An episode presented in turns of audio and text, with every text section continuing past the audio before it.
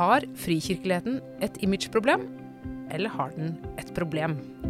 I dag snakker vi om kirkeforståelse. Og du hører på podkasten Dokka fra vårt land. Jeg heter Åste Dokka, og dagens gjest er Ingunn Folkestad Breistein. Og Ingunn er professor i kirkehistorie ved Ansgar høgskole, Ansgar teologiske høgskole kanskje, eh, og rektor samme sted. Velkommen, Ingunn. Tusen takk. Nå får du rette på meg, var det, er det, Sier man teologiske høgskole, eller bare høgskole? Ansgar høgskole. Ansgar høgskole. Den er grei. Men den er i hvert fall teologisk orientert, kan vi jo Det er den, og den har også psykologi og musikk, og derfor så heter Ja. den nå Ansgar høgskole. Ja, nettopp. Ja, men bra. Uh, ja, vi skal jo snakke om uh, eklesiologi primært i dag. Altså hva kirka er og kan være, uh, med blikket på frikirkene. Men først så skal du få det samme spørsmålet som de andre gjestene får her, eh, her i denne podkasten, og det er hva som gleder deg, og hva som plager deg ved kristendom, eller hva du syns er bra eller dårlig. Eller du kan velge selv hvordan du vil eh, ordlegge spørsmålet. Ja, jeg har jo tenkt litt på det, Mm. siden det er, jeg pleier å høre på denne podkasten. Og eh, eh, altså det beste, hvis jeg tenker sånn overordna med kristendommen, syns jeg eh, er et bibler som er lite talt over, men der det står at Gud gjør ikke forskjell på folk. Ja, det er fra Rombrevet, er det ikke det? Ja, det er det. Mm. Så det liker jeg godt. Uh, og det er det idealet om at, uh, at eh, alle mennesker er verdifulle i Guds øyne og er like i Guds øyne. Uh, like store syndere og like Ja. Så eh, det, det syns jeg er det beste. Men eh, kan jeg få lov å utfordre deg litt på det? For jeg hørte det der nemlig første gang, tror jeg. Jeg var av en annen grunn vitne til en dåp i svenska kyrkan. Og der tror jeg det er en del av dåpsliturgien. Ja. Der, står det, der sier de Gud gjør ikke skillnad på mennesker, eller et eller annet. Ja.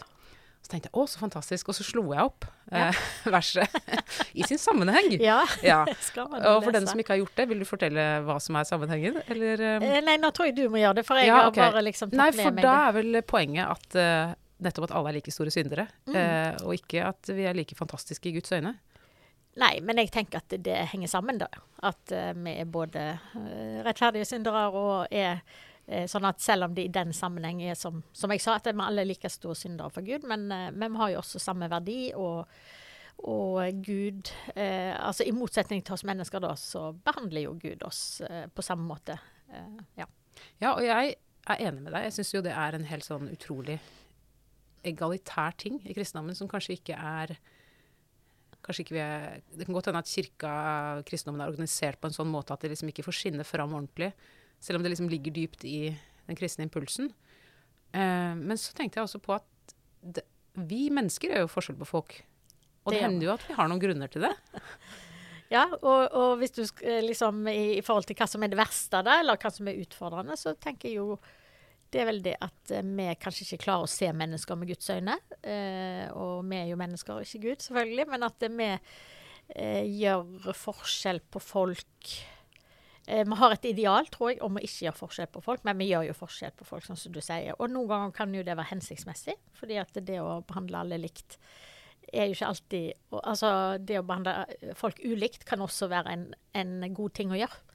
Eh, men det er noe med mulighetene, og, og særlig dette med liksom at kan, eh, altså, Det verste med kirka, tenker jeg, og oss kristne, er jo at vi kanskje noen ganger holder folk vekk fra Gud, som Gud ikke ønsker vi skal holde eh, vekke fra ham. På hvilke måter tror du vi gjør det? Nei, Det er jo at vi setter opp ulike barrierer for hvem som er en god kristen. Vi skal jo snakke litt mer om frikirkelighet, men at det, det er jo helt klart at f.eks. vi som lever her i Norge, har jo Sånn er det jo i alle land, selvfølgelig, at vi setter våre kulturelle preferanser eh, inn, i, kanskje, altså inn i en kristen kontekst. Sånn skal det jo være. Eh, evangeliet er jo inkarnert i vår tid og i, i hvert, hvert et land og, og kultur. Eh, samtidig så gjør jo det da at eh, vi noen ganger identifiserer vår egen kultur eller preferanser med Guds. Eh, og at vi blir veldig sneversynte. Jeg liker veldig godt det sånn bildet som jeg hørte når en predikant eh, altså Det er jo ikke bare han predikanten, men jeg har liksom båret det med meg fra jeg var ung. Og det han, han snakker om det liksom med høner som hopper rundt i hønsegården og flakser en meter over bakken og tenker hun har sett hele verden. Og så er det ørnen som svever langt over landskapet og ser et annet perspektiv. Og jeg tenker det er liksom forskjellen noen ganger på Guds perspektiv og vårt perspektiv, da. Ja, men jeg, ehm, du, du sa noe om at vi alle er like store syndere. Og det tror jeg også kan være en god impuls til å Altså, det å være på like fot handler jo ikke bare om å være veldig verdifulle, men også se svakheter i seg selv og andre. Ja. Um, men, eh, men er ikke noen større syndere enn andre? Det har jeg lurt litt på. Ja, Er, kan er man ikke Hitler si. en større synder enn jeg, f.eks.? ja eh, det er jo et veldig interessant spørsmål, både menneskelig og teologisk, og vi håper at de to går litt sammen. Eh, Men altså sånn prinsipielt altså der, der følger jo jeg Luther veldig med det samtidig rettferdige syndere. synder. At det, liksom, den synden er jo den overordna bortvendtheten fra Gud. Så sånn sett så er, er du og Hitler eller meg og Hitler like store syndere. Men så er det jo hvilke konsekvenser våre synder får, som, som er veldig forskjellige. Eh, jeg kan ødelegge et menneskes liv ved å baktale det. Eh, men, eh, men Hitler, som er årsaken til så utrolig mye lidelse og urettferdighet, eh, har selvfølgelig en helt annen konsekvens enn hvis jeg skulle sladre om en kollega eller en venn. Det får vi håpe, på en måte. Ja, det får vi virkelig håpe. Eh, vi skal eh, over til eh, dagens tema. Og mens jeg forberedte meg, så kom jeg på en liten passasje fra en av bøkene til Linda Bostrøm Knausgård, mm, som er en svensk forfatter, hvor hun beskriver Jeg vet ikke om dette er fik fiksjon eller om det er reelt, da, men hun beskriver at hun går på gata i byen der hun bor, og så ser hun en sånn liten gjeng med noen plakater og pamfletter i hendene. Vi vet alle hvordan det ser ut. Eh, og så står det, står det på den brosjyra som hun får i hånda, så står det sånn Vil du komme sammen med andre mennesker og lese Bibelen? Um, og, og reflektere over den. Eh, og så tenker hun sånn Er det noe jeg vil, så er det jo å lese Bibelen nøye sammen med andre mennesker og reflektere over den. Men ikke med disse folka. Nei. Og, og det, det kjenner jeg jo på en måte igjen fra meg selv. Og det er jo det som er ut, kanskje utgangspunktet for det spørsmålet jeg stilte innledningsvis. Altså har frikirkeligheten i Norge et imageproblem, eller har den et problem? Skjønner du hva jeg mener når jeg stiller det spørsmålet? Jeg, jeg skjønner hva du mener med et imageproblem. Eh, og jeg antar at når du sier 'eller har den et problem', altså er det bare, er det bare liksom noe man kan Eller liksom ta vekk? Altså det er noen falske anstøtsteiner? Ja, er det bare tilsynelatende? Ja, Eh, eller er det mm. virkelig Eh, og der, der vil jeg jo si at den iallfall har et imageproblem, tror jeg, blant uh, hva skal man si, folk flest, kristne flest. Altså der, der kommer det jo litt an på hvor man bor. I Kristiansand, der jeg bor, så er jo frikirkeligheten veldig utbredt, veldig stor. Men det er jo unntaket i Norge. Og i mange steder er jo det å være frikirkelig enten helt, eh, meget suspekt eller helt ukjent eller ikke relevant. Eh, så jeg tenker iallfall et av de utfordringene vi har som frikirkelige, det er at eh, eh, vi fremstår som en sånn klubb for spesielt interesserte, og kanskje sånn som Linda Boman, da, eh, at Knausgård, at eh, dette var ikke den gjengen liksom jeg ville henge med. Mm. Eh, på den andre sida så er det jo veldig mange som opplever frikirkeligheten også som relevant og attraktiv, og eh, at den, den også jobber på en måte som eh, Som jeg tenker er veldig sånn tidsrelevant, da. Ja, hvordan da? Eh, ja, kan jeg eh, gå litt tilbake og så si altså Fordi vi har jo ikke definert frikirkelig. Nei, det må vi det kanskje gjøre. kanskje Ja. gjøre. Altså, Kjør jeg, jeg tenker at um, Før var det jo snakket vi om frikirkelig og statskirkelig. Nå snakker vi kanskje om frikirkelig folkekirkelig, for å sette, sette det i litt kontrast. Eh, men frikirkene har jo hele tida meint at eh, eh, altså at kirka skal være fri fra staten, og at den skal bestå av mennesker som frivillig har slutta seg til. Tenker De to elementene er veldig viktige Mm. i det å være frikirke. Eh, og så eh, har man idealer om å gå liksom eh, som pinsevennene sier, da, eh, frem til urkristendommen, eller vi andre vil kanskje trekke tilbake til urkristendommen. Altså at man i Bibelen finner et menighetsideal eh, som man mer eller mindre kan følge i dag. Selvfølgelig. Ja, mer og, og mindre. Ehm, og at man forholder seg først og fremst til en kristendom som, som er før Konstantin, altså før statskirkeligheten, og før på en måte kirke og, og verden ble en del av hverandre. Ja, større del det av er Det er 400-tallet omtrent? Ja, 380 okay, eller noe ja. sånt. Ja. Mm. Eh, så det, ja, så det, det tenker jeg jo er den liksom positive intensjonen med frikirkeligheten. Eh, og det syns jeg jo passer godt i et eh, Ja, også i et postmoderne samfunn som vårt, fordi at der legger vi jo veldig stor vekt på autentisitet, eller at folk skal velge sjøl. Altså, eh, jeg tror du har skrevet om det, og vi leser om at eh, vil folk egentlig døpe barna sine, eller skal barna få velge sjøl? Altså en slags sånn ideal. Veldig om, om det tenkende individ. Um, og um, musikk er jo tidsriktig, talene er jo uh, til dels tidsriktige. Uh, Sjargongen Altså, man, man, sier når man kommer inn i kirkene 'Velkommen til gudstjeneste her i dag'. Uh, 'Velkommen til barn'. Altså, det er ikke noe, altså, nå, nå, er jeg kanskje litt uh, Nei, kjør på. Du får lov til å være ikke Men jeg bare tenkte om, om jeg var litt mm. uh, Om jeg uh, har den siste liturgien. Men altså, mm. det er mm. ikke nåde være med der og fred fra Gud og far, men det er først velkommen. sånn at det er veldig sånn, sånn sett ganske sånn på en måte folkelig. Men så tenker mm. jeg det er blitt Frikirkelighetene oppsto jo her i Norge som en del av stor De fleste var jo arbeiderklasse. Og litt sånn nedre middelklasse, litt sånn selvstendig næringsdrivende i det nedre sjiktet. I dag er det jo absolutt en del av middelklasse, middelklassen, og, og bærer preg av det. Og det gjør nok at jeg vil tenke at kanskje fremstår mange frikirker som altfor vellykka.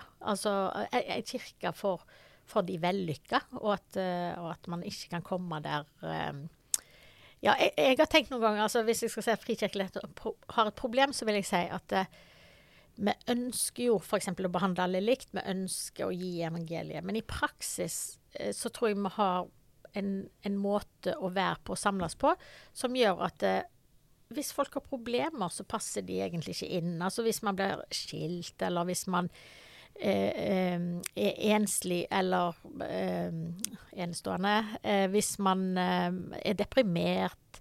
Så kanskje man trekker seg bort fra menigheten istedenfor å komme der. Eh, jeg tror ikke det er det vi ønsker, men sånn tror jeg ofte det fungerer. Mm. Eh, eh, sånn som jeg husker det, så er, tilhører du selv Misjonskirka i Norge. Mm. kan du si Altså, det var vel den første Skien misjonskirke var den første, første etableringa av en eh, menighet utenfor Den norske kirke i Norge. Ja. I, altså etter reformasjonen. Ja.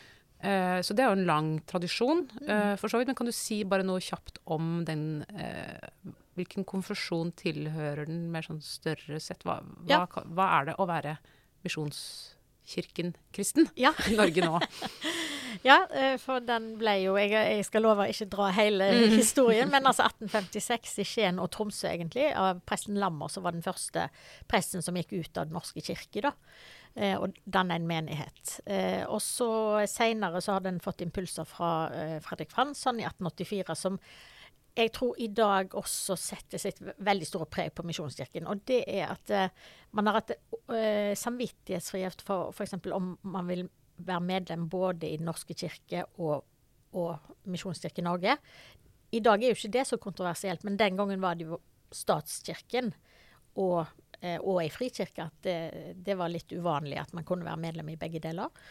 Og samvittighetsfrihet i så viktige spørsmål som dåp og nattverd, altså øh, øh, om man skulle døpe barn, om man skulle døpe voksne.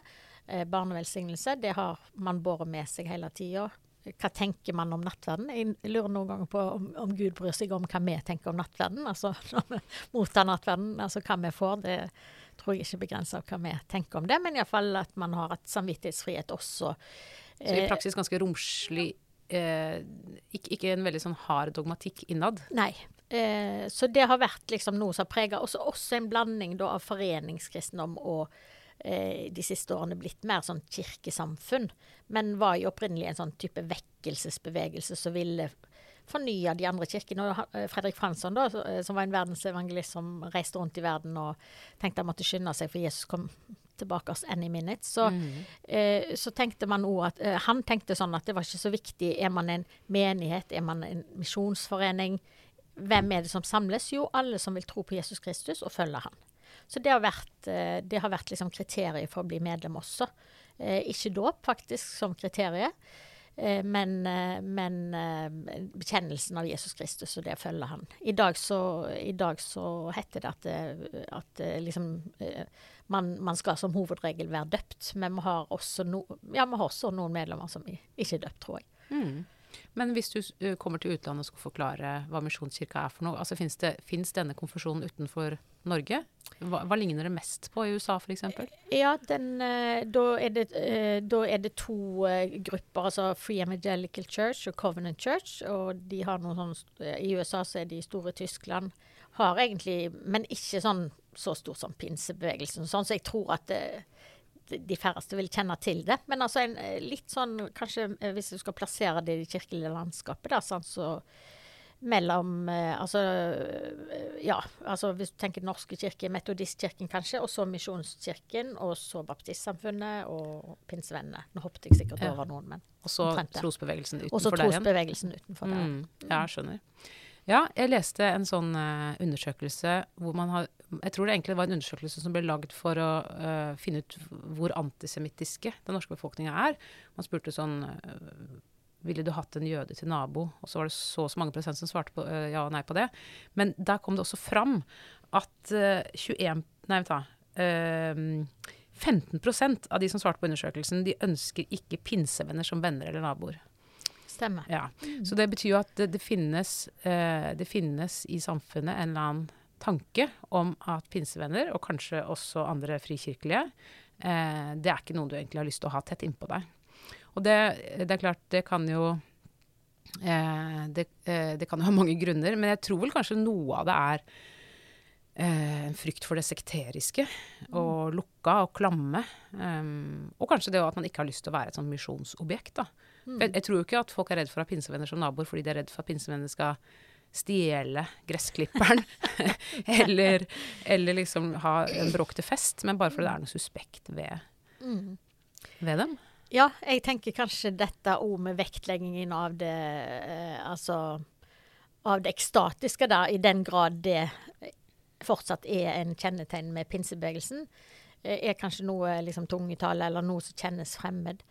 Eh, men så er det jo samtidig interessant at eh, selve, selve den karismatiske bevegelsen, og herunder pinsebevegelsen og trosbevegelse, er jo den, den del av kristenheten som er på størst frammarsj i verden rundt. Altså verden særlig i, den, altså i Afrika, i Sør-Amerika Sør særlig. Mm. Så, sånn at det er jo ganske interessant. og at jeg tror kanskje her i Norge med det ordna, så, så, så, har man en viss eh, skepsis mot det. Og og jeg tror det òg preges av selvfølgelig at, uh, at det, er en, det, er en, liten minoritet på en måte som folk kjenner dårlig til.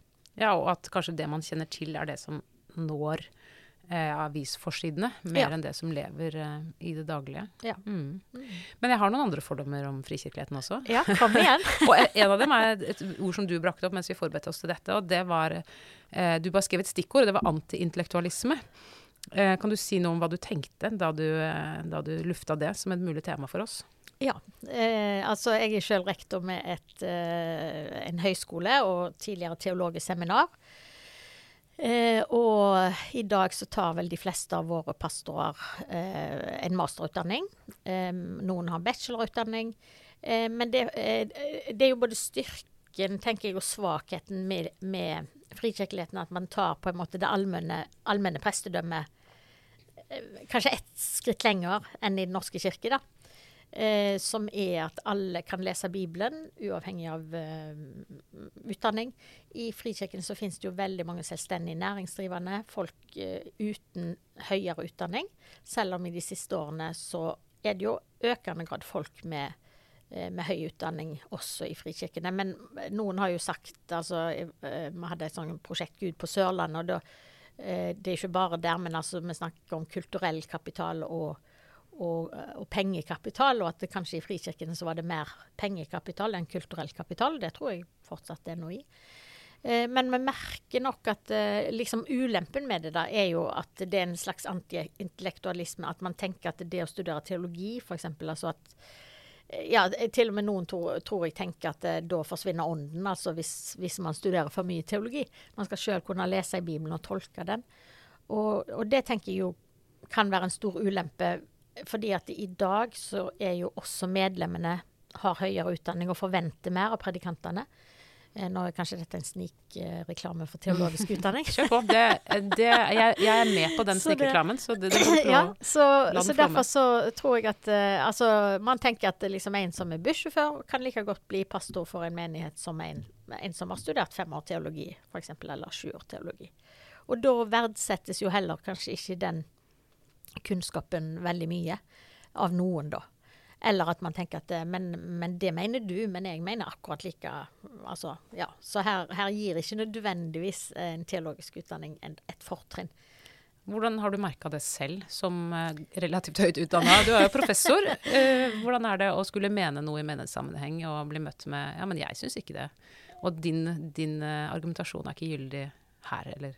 Ja, jeg har nok ikke møtt det så mye direkte i menighet, men jeg er jo aktiv og skribent i aviser og sånne ting, og prøve å, å utvikle mine eh, syns... Eller snakke om mine synspunkter der. Eh, så jeg opplever nok at, eh, at eh, ja, er du i universitets- og høyskolesektoren, så har det selvfølgelig en verdi å være professor. Er du en men, frikirkemenighet, så kan det tvert imot være litt suspekt. Du får iallfall ikke noe ekstra plusspoeng for det. Mm. Eh, hos noen selvfølgelig, og hos andre ikke der, der, er jo også våre menigheter sammensatt. Men syns du at det preger eh, hva slags tenkning som skjer innenfor de kirkelige rammene?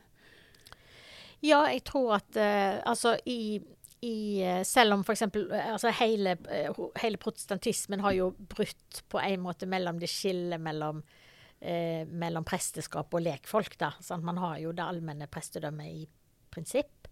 Eh, men i frikirkeligheten så kommer den enda tydeligere til uttrykk ved at, eh, at eh, man Ja, at, at man ikke Eh, altså, Det ene argumentet veier på en måte like tungt som det andre. Og så tror jeg det som er mest, altså det som jeg tror er mest negativt med det, da, det er jo det der hvordan man leser Bibelen. For én eh, ting som preger eh, frikirkene, og det som vi kan kalle den evangelikale kristendom, i den grad man kan snakke om det etter Trump brukte mm. ordet. Men iallfall så er jo biblisisme, eller liksom veldig, veldig eh, Altså eh, tiltroen til Bibelen, en veldig viktig kjennetegn. Og det tror jeg liksom at Det, det tror jeg ikke vi merker engang, for det så, det er liksom inn, inngrodd i oss. Og fordelen med det er jo at veldig mange leser Bibelen sjøl, og, og, og at det er viktig å vite hva Bibelen sier om det. Men ulempen er at uh, man ikke har noen forståelse av at uh, vi tolker Bibelen. Man tror nok at liksom uh, ta det som det står, les det som det står, gjør det som det står. Og klarer ikke å reflektere over at man sjøl også leser Bibelen med briller. Det tror jeg det er mange som, som tenker at ja, jeg leser jo Bibelen, og jeg forstår den fullt ut. Ja. Det er jo Jeg har liksom litt inntrykk av at jo mer utdanning man får innenfor teologi, desto mer liberal blir man. så det har kanskje en sammenheng med type konservatisme også. Og kanskje det er noe av det der med at ånden forsvinner hvis du lærer deg for mye om Bibelens tilblivelse, f.eks. Ja. Og der er det jo også selvfølgelig har det vært krevende at um, for mange frikirkelige så har man jo egentlig ikke kjent seg så godt igjen i de teologiske utdanningene. Jeg husker jo sjøl, ennå når jeg tok min påbygning av teologisk utdanning. Altså Jeg gikk først på Ansgar og jeg vet, i Tyskland, og så var jeg på Menighetsfakultetet. Og da var det jo ennå eh, noen av lærerne liksom, som snakket om eh, den katolske kirke som liksom avviker på venstresiden, og, eh, og Frikirken som avviker på høyresiden, og Den norske kirke som den riktige. Og, og det har jo eh, både prega, tror jeg, at, eh, at um, Ja, kanskje de som har frikirkelig bakgrunn, da, kanskje ikke har følt seg helt vel, eller altså at, at, mye av det eh, litteratur og andre ting som, som, fremmes i den teologiske utdanningen, oppleves litt fjernt. da. Men der har han jo etter hvert fått opp mer relevant både utdanning og litteratur som, eh, som ses mer relevant også for frikirkene. Um, du nevnte i stad at uh, idealene om hva en kirke er for noe, at det, det, henter man gjerne direkte ut av den første kirke, altså apostlenes gjerninger, rett og slett hvor eh, Hva står det? At uh, de, de, delte alt og hadde alt sammen. Uh, et eller annet sånt ja. noe. Ja. Han levde i kommuniteter, mer eller mindre. Ja. Uh, at eiendomsretten var opphevet, og at dette ekteparet som gjemmer unna penger, et eller annet sted i Apostelens gjerninger så, så faller de jo død om. Ja. Fordi de ikke har rapportert til menigheten hva de faktisk har av verdier. Mm, er, det, er det mulig å ha en sånn type kirketenkning i Norge i dag? Det tror jeg ikke, men jeg tror at det, det vil være eh, flere frikirker, og, og særlig innen pinsebevegelsen den karismatiske retning, som vil tenke altså dette med det slagordet tilbake til urkristendommen. Men jeg tror at det, eh, sånn som jeg oppfatter det, så det er veldig få i dag som vil si at vår menighet er på noenlunde Altså er nesten lik menigheten i Efesos eller Korint. Eh, men, eh, men man henter liksom idealer da mye mer rett fra det, og, og, og tar nok ikke så mye som de store folkekirkene hensyn til f.eks. den katolske kirke, som tenker at liksom eh, at tradisjonen er jo et tilfang som, som beriker eh, kirka, mens, eh, mens i den frikirkelige så er det liksom det idealet å skrelle dette vekk og så gå Ja. litt tilbake. Hoppe, hoppe over historien bakover. Hoppe over historien, ja. Og, og det, det kan jo være krevende i den forstand at det, hvis man tror Altså, man, men sånn er det jo med oss alle. Vi klipper jo limet i Bibelen ut fra det, våre egne preferanser, om vi er klar over det eller ikke. Så da er det kanskje sånn at ja, de, de eh, sang og spilte åndelige sanger, de gjorde De, de brøt brød, f.eks., og sånn. Og det Altså, jeg tror man har jo gestalta, liksom or organisert den kirk, eh, veldig enkelt. Altså, det er jo stygge, eh, enkle kirkebygg. Ofte sånn industrielle. Ja. Eh, det enkle kan også være vakkert, selvfølgelig, men ofte det er ikke akkurat estetikken som står på Og det, det handler jo også om at selvfølgelig medlemmene finansierer denne, eh, eh, dette kirkebygget sjøl, så det må være funksjonelt. Eh, det eh, så, eh, og så er liksom det ordet og, og, og Altså ordet og, og sangen Det er liksom eh, senteret, vil jeg si, i gudstjenesten. Eh, og så eh, tror jeg ingen Altså det er jo veldig få sånn det er idealer med en kommunitet, eller at man skulle ha eie ting sammen og sånn. Det, det kjenner jeg ikke igjen i det hele tatt fra frikirkeligheten. Eh, Ja, men det er jo et ideal om ti, eller å gi tiende til ja, kirka. ja, det, Mm. ja, det er det. Og, og det henger jo sammen med Og det er jo et sterkt ideal, liksom. Så jeg, eh, og det handler jo om at med, medlemmene finansierer eh, eh, kirka si sjøl. Eh, og så her i Norge så får vi jo statstilskudd, eh, men det utgjør For frikirkene så utgjør nok det altså kanskje 10-15% av det som er inntektene. Så det aller meste gis jo som gaver. Og det gjør jo at folk har en sterkt engasjement. Eh, altså follow the money, der du gir pengene dine, det må du virkelig ha tro på. Eh, og og eh, både Ja, så det er på det gode, da. Det, eh, tenker jeg at man finansierer dette sjøl, man er med på det, man ber for det. Eh, det skaper et sterkt samhold og engasjement. Og et stor, stor frivillig innsats, da. Og stor frivillig innsats. Det er det. Det, det er jo basert på veldig mye frivillighet. Eh, så det er jo den fine sida ved det. Ulempen kan jo være da at, eh, at eh, ja, her, altså pastoren, da. Han, jo, han eller hun er jo finansiert av, av disse pengene, da. Blir man da avhengig av medlem... Altså er man mindre uavhengig av medlemmene enn f.eks. i Norsk kirke, der hvor, hvor man vet at det her kommer det fra staten om jeg sier det ene eller det andre. Det kan jo være sånn, eller det kan jo være uenighet hvordan man skal bruke disse pengene. Men der tenker jeg jo det er et fint ideal med at eh, altså at det demokratiske idealet har jo vært sterkt innen frikirkeligheten. Ja, det er vel de første foreningene i Norge som har hatt eh, stemmerett for kvinner, f.eks. Ja. Ja. Og der, der f.eks. Misjonskirken Norge da har jo hatt stemmerett for kvinner helt fra begynnelsen. Helt fra 1856. Ja, Og det var lenge før kvinner fikk st- allmennstemmerett. Ja. Det var det. Så de har vært viktige i demokratiprosessen. Eh, og jeg er med i et forskningsprosjekt nå i Sverige og Norge da, som, eh, hvor vi jobber nettopp med det frikirkelighetens betydning for demokratiutviklingen i, i Skandinavia. Da. Eh, så det er jo Det mener jeg er viktig Og det, det har jo gjort da at eh, Altså jeg tror Hvorfor består Frikirken av så mange for selvstendig næringsdrivende? Jo, for jeg tror at det, her får de et utløp for sin virketrang. Både i sin, eh, både i sin bedrift og i, i kirkene. Man kan bidra da med en del penger, kanskje, så, eh, og, og man kan bidra med den kunnskapen man har. Og jeg tror mange eh, Dette er jo ikke bare for Frikirken, det gjelder jo også de kirkelige organisasjonene. Og det gjelder jo mange steder i Den norske kirke, men her er det jo virkelig alt drevet på frivillig basis. Og det, det gjør jo at unge blir lært opp til å eh, til å være ledere og til å ta ansvar osv. Så, videre. så det skjer en veldig sånn flott opplæring i disse menighetene. Og fordi de er så få, så får jo mange slippe til. Ja, jeg, og jeg er helt enig med deg at uh, for min egen del f.eks. Det, å, det å ha vært med i et veldig sånn levende ungdomsarbeid har, uh, ga meg masse utfordringer som jeg vokste på. Uh, ga meg trygt rom for, å, for mange ting. Ja. Både å snakke foran folk og organisere ting og mm. bygge sosiale møteplasser og alt sånt noe. Men det høres jo utrolig krevende ut å være medlem av Du kan ikke bare dingle innom en søndag i ny og ne, liksom. Nei, det kan du ikke. Og det, første, det nærmest første som skjer når du melder deg inn, er at du kommer på vaskelaget, f.eks. Ja.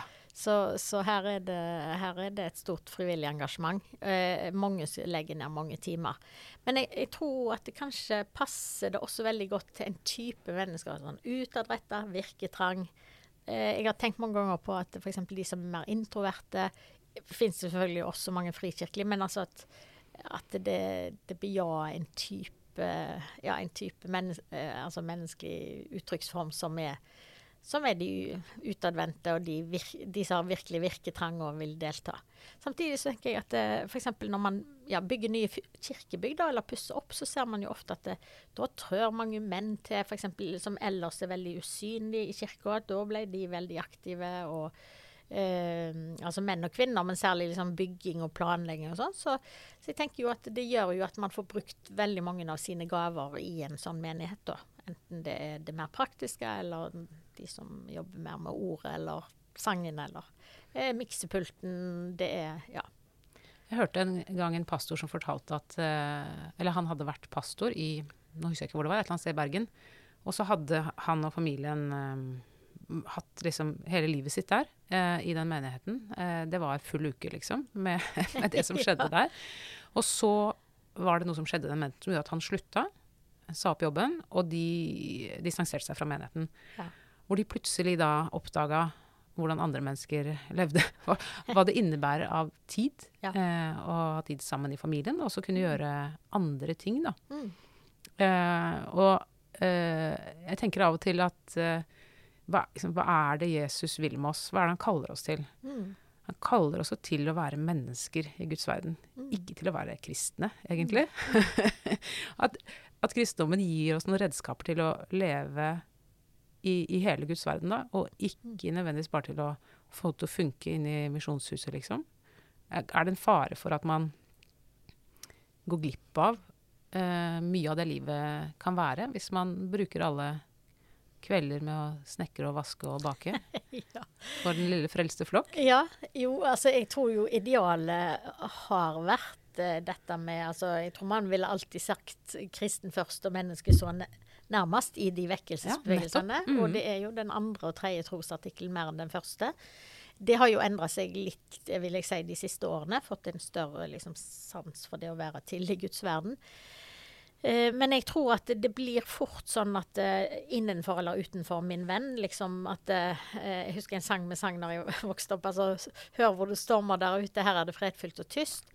Det var nok altså det var liksom et valg. Vil du, vil du være i verden, eller vil du være en kristen?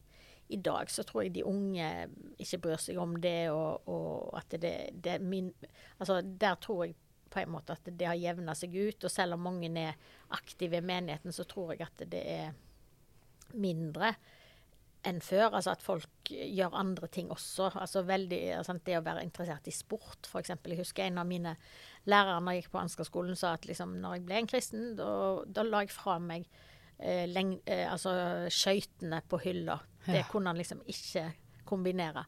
Eh, mens i dag så driver jo de aller fleste kristne med sport. Vi har ei krikklinje på Ansgar-skolen. Altså det, det, er jo det, det, ja, så, så, så, det er jo noen ting man på en måte driver med, og som er helt akseptert.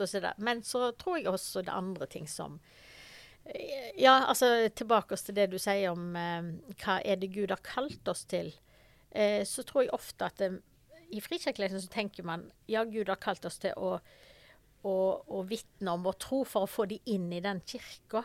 Altså sånn at vi er mer i kirka enn i verden, da. Eh, mens der tror jeg jo i en folkekirkekristendom og Den norske kirke så har man en mye større bevissthet om, om det allmenne livet og det allmenne perspektivet. og Første trosartikkel.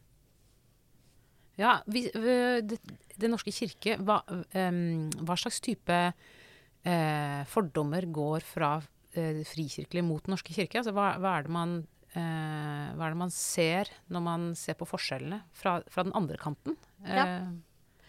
Eh, jeg tror jo eh, For meg som har skrevet om dissenterhistorie og, og liksom, eh, religionslovgivning og sånn, så har det jo for de som er litt oppi årene, så har det nok vært også en, en, slags sårhet i forhold til det å bli behandla som annenrangs og sånn.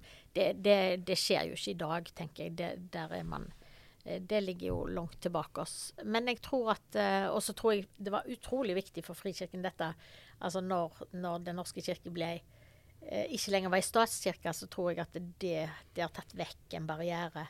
Og jeg tror f.eks. på landsbasis dette med Norges kristne råd, som består både av norske kirke og frikirkene, mens man før liksom ikke hadde et sånt samarbeid, det tror jeg har betydd mye. Eh, så i den grad eh, Jeg tror det fortsatt om det er fordommer, men jeg tror, jeg tror jo eh, at noen tenker liksom gudstjenesten, altså det liturgiske, eh, eh salmene Eh, eh, men først og fremst liturgien virker litt sånn fremmedgjørende, tror jeg, på mange frikirkelige. Og så er det vel eh, Ja, struk altså strukturen kanskje, men det tror jeg ikke liksom hvermannsen vet så mye om, da. For de møter jo den lokale kirka. Når det gjelder Misjonskirken Norge, så er det jo mange der som sagt som er medlemmer av Den norske kirke. Og jeg tror det flyter jo litt til og fra. Og der vil jeg jo si at eh, de siste årene har det kanskje vært nærma seg hverandre. Altså F.eks. Eh, på Sørlandet der jeg bor, så vil jeg jo si at mange, eh, mange frikirker fungerer jo nesten som sånne små folkekirker, fordi de tiltrekker seg veldig mange fra, fra et nabolag eller fra et byområde. Eh, og at her, eh, her da, da, møter man seg sjøl litt i døra for liksom hvem Ja, her, her kommer det folk hjem. Alfakurs og andre ting som ikke har sin bakgrunn i menigheten. Eh, og så tror jeg at folkekirka har nærma seg frikirkene med at eh, man sier kanskje 'velkommen til gudstjeneste', da. Så gjerne 'vel møtt'. fordi hvis, Dette er morsomt. fordi ja. Noen prester sier 'velkommen', men det jeg ja. har lært, er at hvis presten sier 'velkommen til gudstjeneste', ja. da sier presten 'den er min, og du er på besøk'. Eh, men hvis man sier 'vel møtt', så det kan man jo si til hverandre, på en måte. Ja. Uh, så, så, og jeg skjønner at det høres dust ut å ikke si velkommen. Og samtidig så har det jo ofte en grunn, da. At man ikke gjør sånne ting. Ja, jeg, eh, jeg liker begge deler. Jeg kan godt sitte og høre på nåde være med deg og fred for Gud. Altså. Det, det syns jeg er fint. Samtidig så tenker jeg jo for folk som kommer rett inn i kirka og ikke vet noe om det, så det å ha også en sånn vel møtt, da, som jeg syns hørtes veldig fint ut, ja. var, var, veldig bra. Og der, der, eh, tror jeg du er inne på noe også som vi kanskje har glemt litt fra reformasjonen, som var at, at menigheten, altså, menigheten skulle delta mye mer i, i gudstjenesten.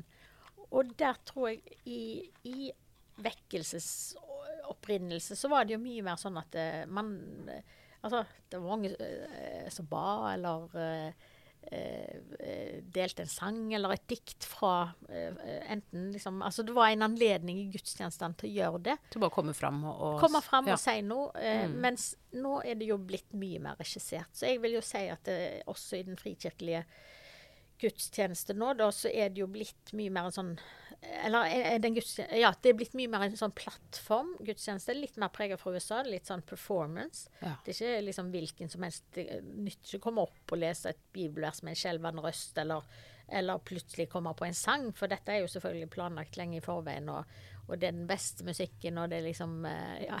Det, ja. Og, så, så, der syns jeg at gudstjenestene våre i frikirkeligheten kanskje er blitt litt sånn performance. Ja, og at det blir polert, og, og at man skaper egentlig ganske vel så høye barrierer som man gjør i Den norske kirke, bare med litt andre virkemidler. Ja, ja mm. det tror jeg.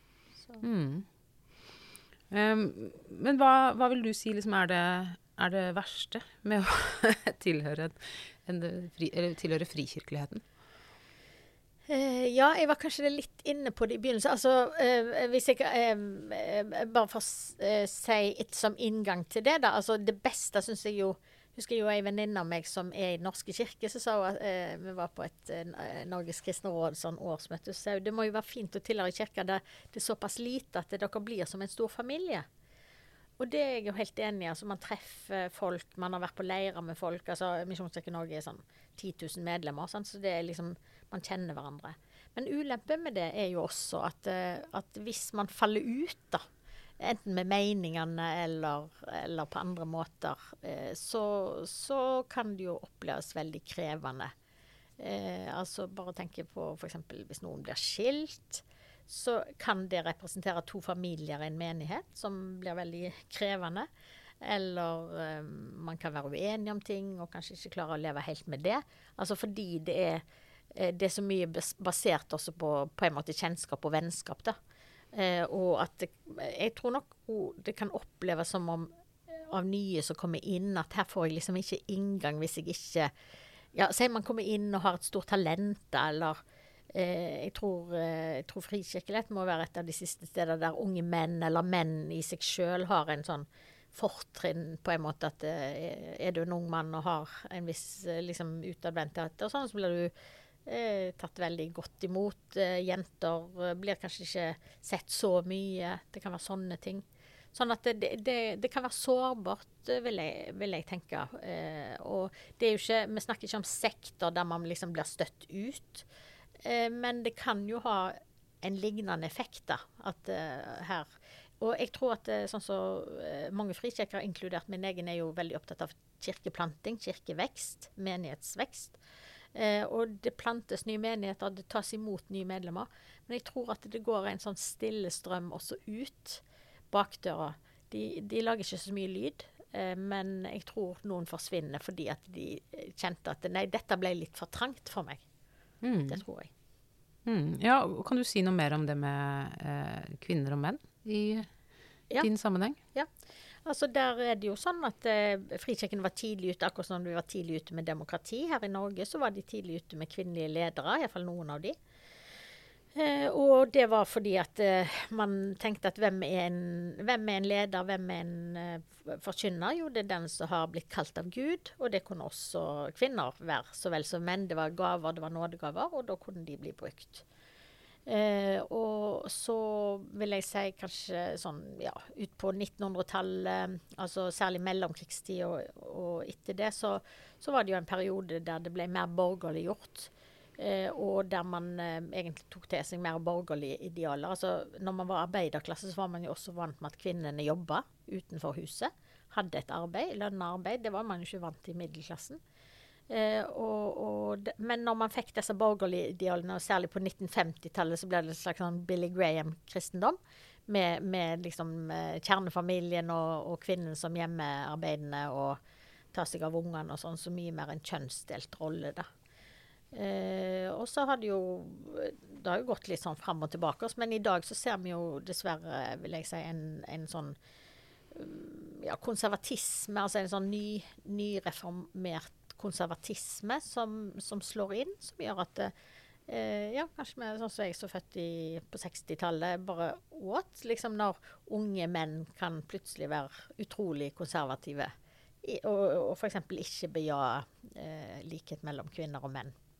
Ja, og jeg tenker jo at uh, for, for, deg f.eks. Uh, så har det vært mulig å uh, innenfor innenfor denne kirkas rammer å, å, gjøre en stor karriere. Altså, du er jo rektor på, på, utdanningsinstitusjonen, så det er jo på en måte åpenbart at det er rom og plass ja. for, um, for, noen. Mm. Men hvis kulturen i menighetene likevel er sånn at jenter ja, de er veldig snille, og de kan tjene Gud ved å bake kake og ta seg av barna på, uh, på, søndagsskolen og kanskje synge litt fint, ja. mens guttene får Um, anledning til å prøve seg som talere eller uh, andre typer ledere, så skaper det en kultur hvor, hvor, jenter ikke får de samme uh, mulighetene for vekst. Da. Ja, og så vil jeg si f.eks. at det, eh, sammenligna mellom Norske kirke og Frikirken, der så var jo eh, Frikirken tidlig ute med kvinner, kvinner som predikanter og ledere.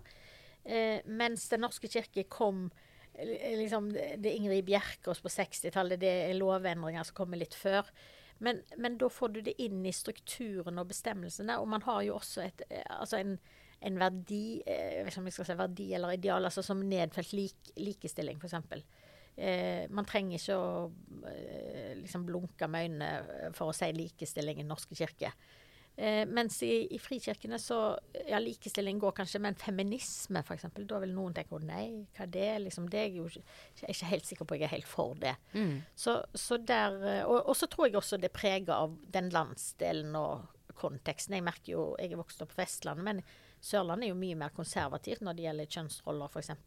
Så det, det, det, speiles jo også i menighetene. F.eks. Oslo misjonskirke Betlehem Eh, lever i en mye mer sekulær og, og annen kontekst enn f.eks. Eh, ja, eh, misjonskirkene på Sørlandet. Så det vil også prege, vil jeg tenke. Men, men jeg tror at der det ikke der det ikke Altså likestillingen går inn i en, i en systematisk og en organisator Altså en strukturell, da. Altså få en strukturell plass, og det, er nedfelt eh, så vil det alltid glippe. F.eks. på Ansgarskolen så uh, har, har, jeg uh, under min rektor jobba bevisst med dette. her, at det, uh, altså Vi har fått inn i vårt regelverk at det skal være det skal være kjønnsbalanse både i alle styrer, råd og utvalg, f.eks. Ja, men da skjer jo det. Men f.eks. i styret i Misjonskirken, altså det landsomfattende styret for Misjonskirken Norge, er ikke det nedfelt. Så da blir det litt sånn Ja, altså det har noe med hvem man ser etter, og hvordan det blir. Sånn at her, må, her tenker jeg det er så utrolig viktig at det også finnes i strukturen og i verdiene. Ja, det er jo eh, både velsignelsen og forbannelsen med å være mer bevegelse enn ja. man er eh, institusjon, da. Ja. Eh, ja. og, og, der tenker jeg jo at det, er absolutt rom f.eks. i Misjonskirken Norge. Har jo, jeg, jeg, har jo fått eh, mange muligheter. Og, men jeg tror man må være liksom eh, Ja, hvis man er litt Altså, man må være flink, man må være utadretta, man må kanskje være litt karismatisk. Nå snakker jeg ikke om meg sjøl, men sånn generelt. altså Det er jo en Annie Skau Berntsen, f.eks. Eh, det er Gerde Kario, som var Norges første eh, kvinnelige pastor, 1915.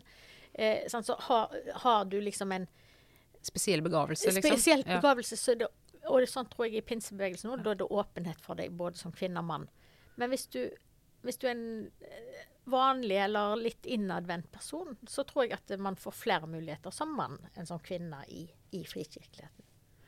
Og jeg tror for, eh, for ordens skyld vi må si at det der gjelder også ganske mye, mange miljøer i Den norske kirke. Ja. Det, er mm. ikke, det tilhører ikke Frikirka alene. Nei da, det, det, er riktig. Mm. Du, Helt til sist, eh, Ingunn.